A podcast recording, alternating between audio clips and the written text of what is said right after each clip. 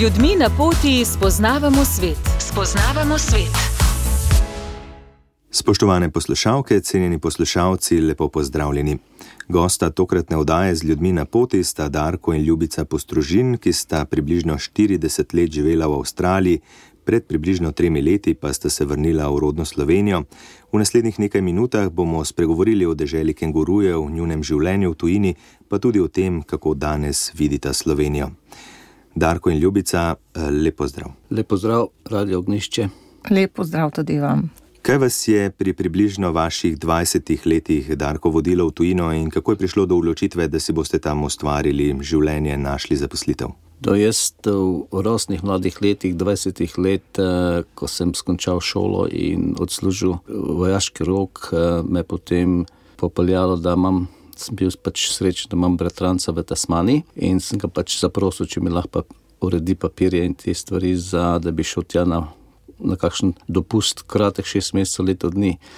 Po prvih parih mesecih sem pač uh, takoj, se mi je zelo dopadla Tasmanija in zelo podobna kot Slovenija, in mi je bilo že všeč, tudi delo sem zelo hitro dobil, tako da uh, sem se zelo hitro navadil tam. Kako ste se spoznala, je bilo prek povezave med tam živečimi slovenci, slovensko skupnostjo, ki je precej močna?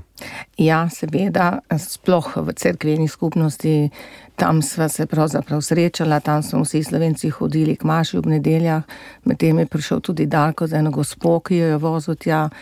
In tako sva se tam spoznala, srečala in po šestih tednih poročila. Kako ste se pa vi odločili, da Jaz sem pa imela tam popol sestro in sem šla malo na dopust. In jaz bi se mogla vrniti nazaj, in ko sem srečala Darkota, me je zaročil v hitrem času. In tako da nisem imela izbire veliko, in sem se pač odločila, da kar ostanem in poskusim novo življenje v Avstraliji, državi kengurujev, kar je bilo zanimivo, ampak domotožje je bilo pa veliko. Darko, vi ste ob prihodu delo našli na Tasmaniji, um, otoku, kjer je precej naravnih rezervatov. Kako drugačen je ta del od preostalega dela Avstralije? Hobart, jaz sem pač živel v Hobartu, sem prišel ne v Hobart in uh, ostali delo med Avstralije nisem dosti vedel, ne, kar kot sem prišel prvič dol, ampak je razlika, je zelo podobna Sloveniji, cela Tasmanija.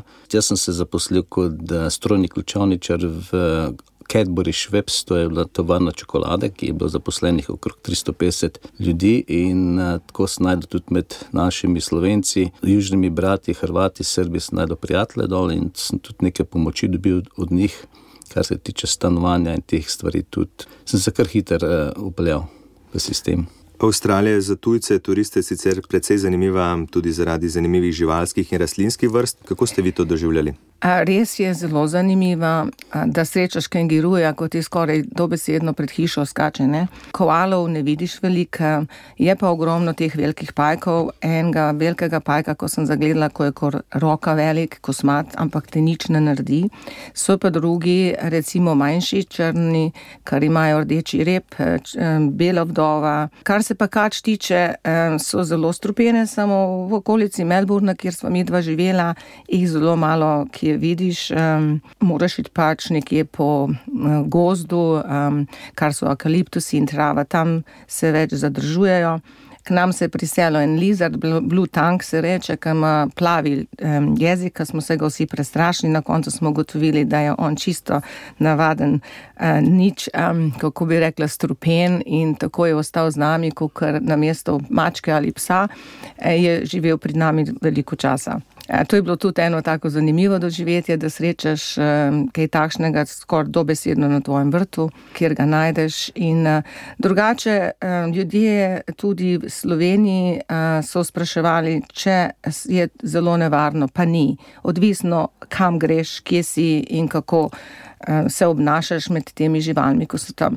Medtem tudi kenguruji so zelo agresivni lahko nekateri, tako da se eh, ljudje kar bojijo približati. Drugače so pa tako čisto v naravi, um, med ljudmi, um, golf, kjer se igra golf, jih je veliko in so navajeni ljudi, tako da niso napadalni, v divjini je pa to mal drugače. Ja, država zaradi svoje velikosti ponuja zelo različna življenjska okolja s praktično vsemi podnebi. Predvidevam, da je to pomembno vplivalo na poselitev tam.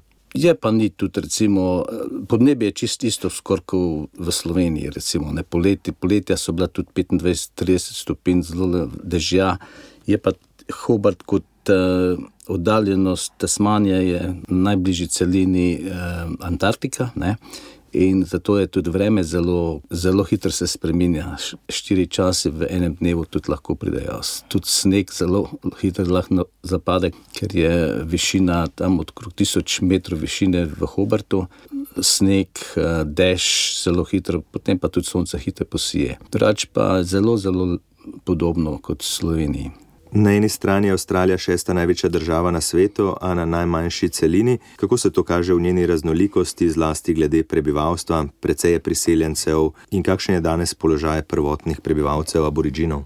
Aborigeni so eh, del za sebe. Recimo, če razmišljam v Melbournu, so, ampak so veliko bolj civilizirani, hočejo biti um, kot vsi navadni priseljenci. Recimo, Gor, Alice Spring, Darwin, tam so pa ti domorodci po svoje in eh, tudi imajo svoje, eh, kako bi rekla, komunity, tam se zadržujejo, tudi tako živijo. Vsi ti, ki so pa prišli v Melbourne, Sydney, Adelaide, te so pa poskušajo biti eh, pač takšni, kot smo mi vsi tam priseljenci. Jih pa ni toliko velik, da bi rekla, da jih je veliko se priselilo v te velika mesta. Priseljenih drugih narodnosti je pa ogromno. Tako da Melbourne se je razvilo, prej je bil Sydney na prvem mestu, zdaj pa je Melbourne. Mi imamo zelo močno komunity, mislim, slovensko, tam klubov veliko, crkva je zelo veliko povezana z ljudmi. Samo prebivalstvo slovencev tam se stara in mladi so šli pač po svoje, ker so se oženili, poročili z drugimi nacionalnimi partnerji in tudi otroci potem hodijo v te avstralske šole in se potem vsi tam več ali manj zadržujejo, tudi katoliški crkve, amin, Hrvaška, Italijani, oni grejo po svoje. Tako da slovenska skupnost malo umira. Kak bi rekla, kar se tiče stare, ja, pešano, starejših ljudi, tako da se to veliko pozna. Če se nekoliko dotaknemo še trga dela ter zdravstvenega in izobraževalnega sistema, kako ste našla prvo zaposlitev in kako je bilo pri prehajanju trga dela? Če spomnim trga dela 79. leta, ko sem prišel dol v Tasmanijo, to je, to je bilo, delo je bilo zelo lahko najti. Na vsakem vogalu so iskali delavce. Jaz uh, celo se spomnim, uh, moj bratranc, uh, jaz sem pri njem začel delati ne, prvih tri tri, štiri mesece. No, potem je rekel, najboljš, ker smo pač slovensko se pogovarjali, več ima rekel, da se bom, če se bom hotel zelo hitro angliško naučiti, potem bolj, da grem delati nekam drugam in da se bom tam angliško naučil. In tako sem tudi šel v druga delovna mesta kot um, ključavničarstvo. Takšne stvari, tako da uh, sem se potem malo s Poljakom, Čehim, so bili tudi noter starejši ljudje. Tako da sem se tudi res na tak način zelo hitro znašel in delo je bilo za dobiti zelo enostavno. Eh, se spomnim, če te je kdo priporočil, da si dober delavec, si dobil takrat neko vrsto, pač, kaj se jim plačilo. Plačilo za to, kot ste le bi rekel, njih 50 evrov, da te kdo priporočil, da si dober delavec. Tako da glede dela ni bilo problem, eh, če si bil dober, zasiguren, eh, da si prišel v službo skončal tistih 8 ur in dobro plačal. Plače so bile tedenske plače takrat. Če ti delodajalec ni konc tedna v petek uh, želel več imeti, je samo te izplačal tedensko in se ti zahvalil in pravi, da te ne rabe več v ponedeljek. Tako da si šel lahko drug, ponedeljek iška delo drugam. No, to se je vse spremenilo po 40 letih, seveda, in tako da zdaj, zdaj je čist drugi sistem. Kar se papirnate vojne tiče, tam si pač pokaži, kaj znaš, več ali manj od vsega začetka. Že. Zdaj, zdaj je že malo drugačne, zdaj se že šole in tako naprej, ampak vseeno preko poročila je, tako, je še vseeno, pokaži, kaj znaš. No, če jaz tukaj še nekaj dodam.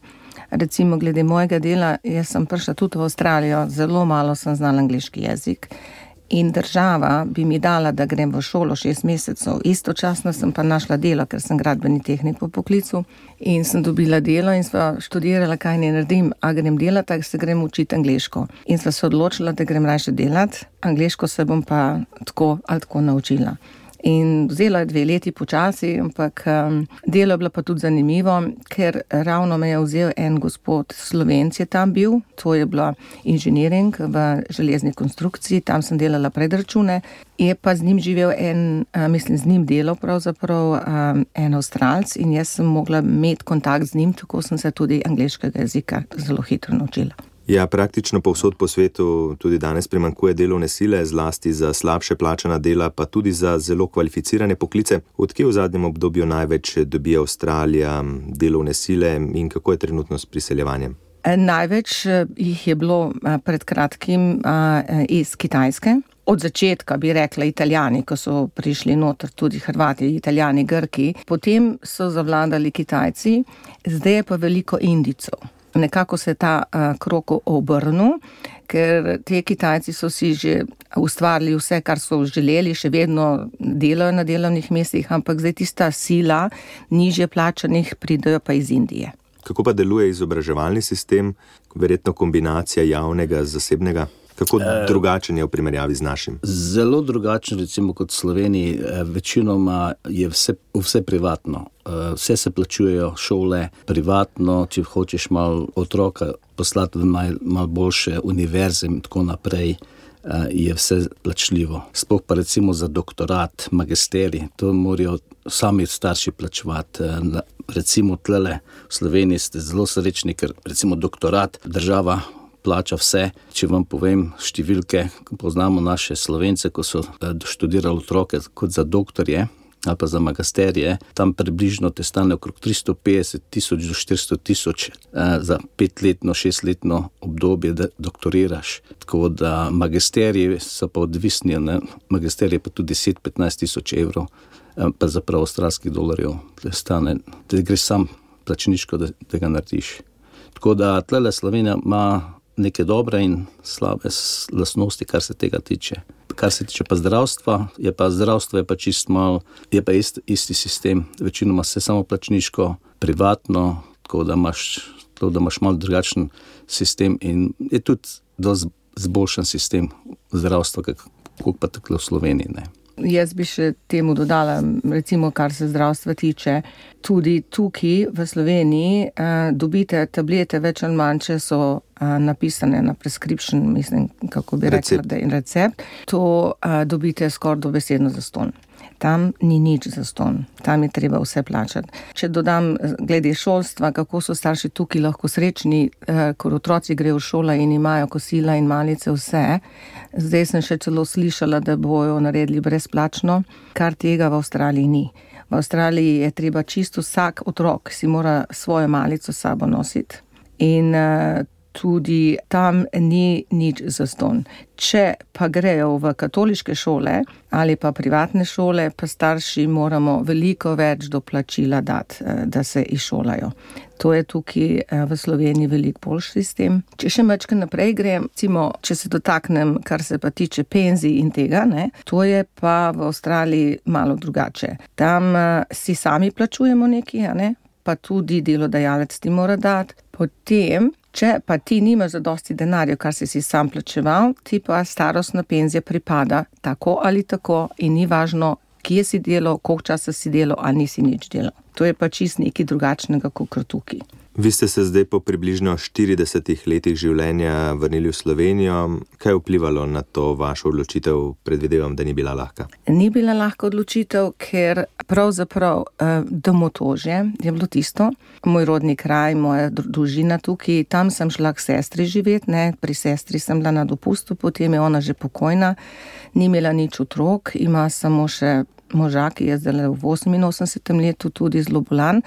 In to je bilo vse tukaj pa imam sestro, pa um, njene otroke, vnuke njene in on ima brata, tudi s partnerko živita skupaj. Tako da je naj mal povezala ta zadeva, čeprav sva deset let gradila na eno hišo tukaj v Grosuplju. Vsako leto po desetih letih sva prihajala sem, po par mesecev in tako sva počasi dokončala naj dom tukaj. In če samo to omenim, ker smo ravno, ravno kar so se vrnili nazaj iz Avstralije in kako se je sam Melbourne mesto spremenil. pa ne bo um, prometa, pa ne bo življenja tam. Sva rekla, da sva dovesedno pravilno se odločila, da sva se vrnila domov v rodni kraj. Čeprav na začetku ko so začela graditi, sva dobila veliko, kako bi rekla, eh, ni teklo tako, kot si misliš, ko si prišel iz tujine, da ti bo šlo vse lahko, posebno na občinah so imela težave, ne? ampak sva skupaj, skupnimi močmi reševala.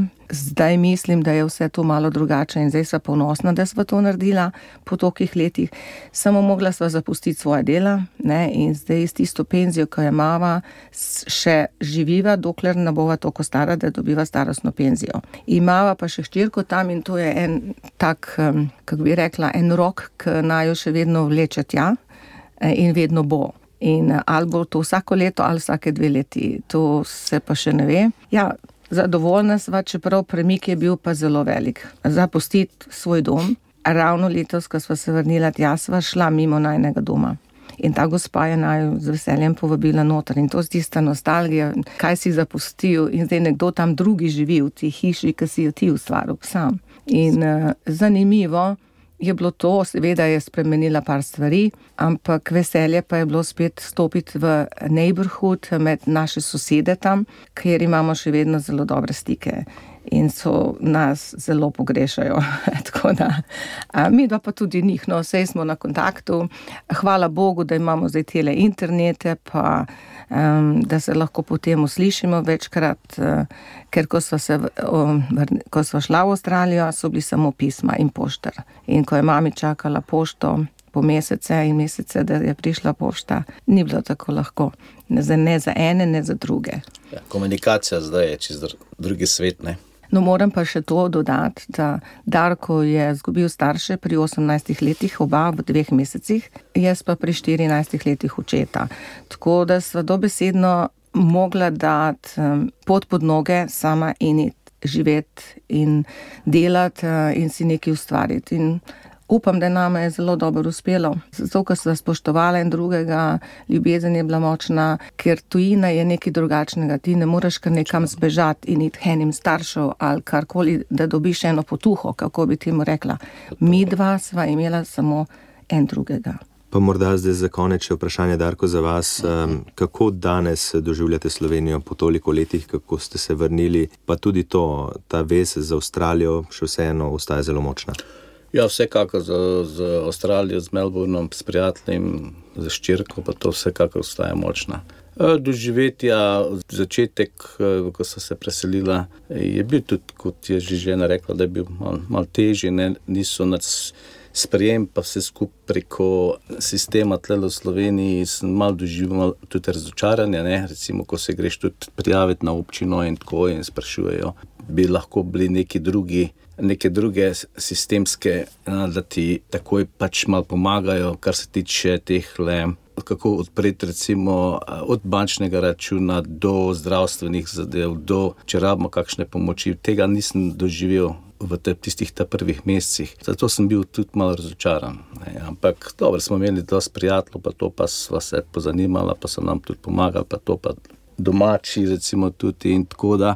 Drugač pa Slovenija je zelo lepa, čudovita država, vse, kar uh, zdravstvo pač je kar, kar v redu, za, na, za naj je kar v redu, dosti ja. dost slovencev se pritožuje. Uh, jaz mislim, da kar, še kar dobro deluje ne, po teh sistemih, kako jih imate, ampak se zboljšuje, upamo, da se bo zboljšalo. Šolstvo tudi imate kar v redu, po mojem, tako da se nimate kaj več pritoževati v Sloveniji. Drugač pa politika, edino pa je, kar naj politika zelo fejsmoti, to je pa bilo zelo zgrešeno, ne, kar se tiče vsega od začetka. Mi dva smo vedno slovenca in so tudi uh, podpornika bila skozi in sva še. Da upamo, da se bojo spremembe in uh, stvari spremenile v budoče. Ja, včasih eh, moramo vedeti ceniti tisto, kar imamo, Točno. kar se šolstva tiče, kar se izobraževanja tiče, kar se tiče zdravstvenega sistema in biti hvaležni za vse to. Darko in Ljubica, postrožin, hvala za obisk in sodelovanje. Najlepša Lepša hvala, hvala tudi vam. Drage poslušalke, cenjeni poslušalci, če ste del daje zamudili ali bi prisluhnili še enkrat, vabljeni v audio arhiv Radio Ognišče. Sicer pa hvala za pozornost in lep pozdrav do prihodnič. Vdajo sem pripravil Andrej Šinko. Z ljudmi na pot.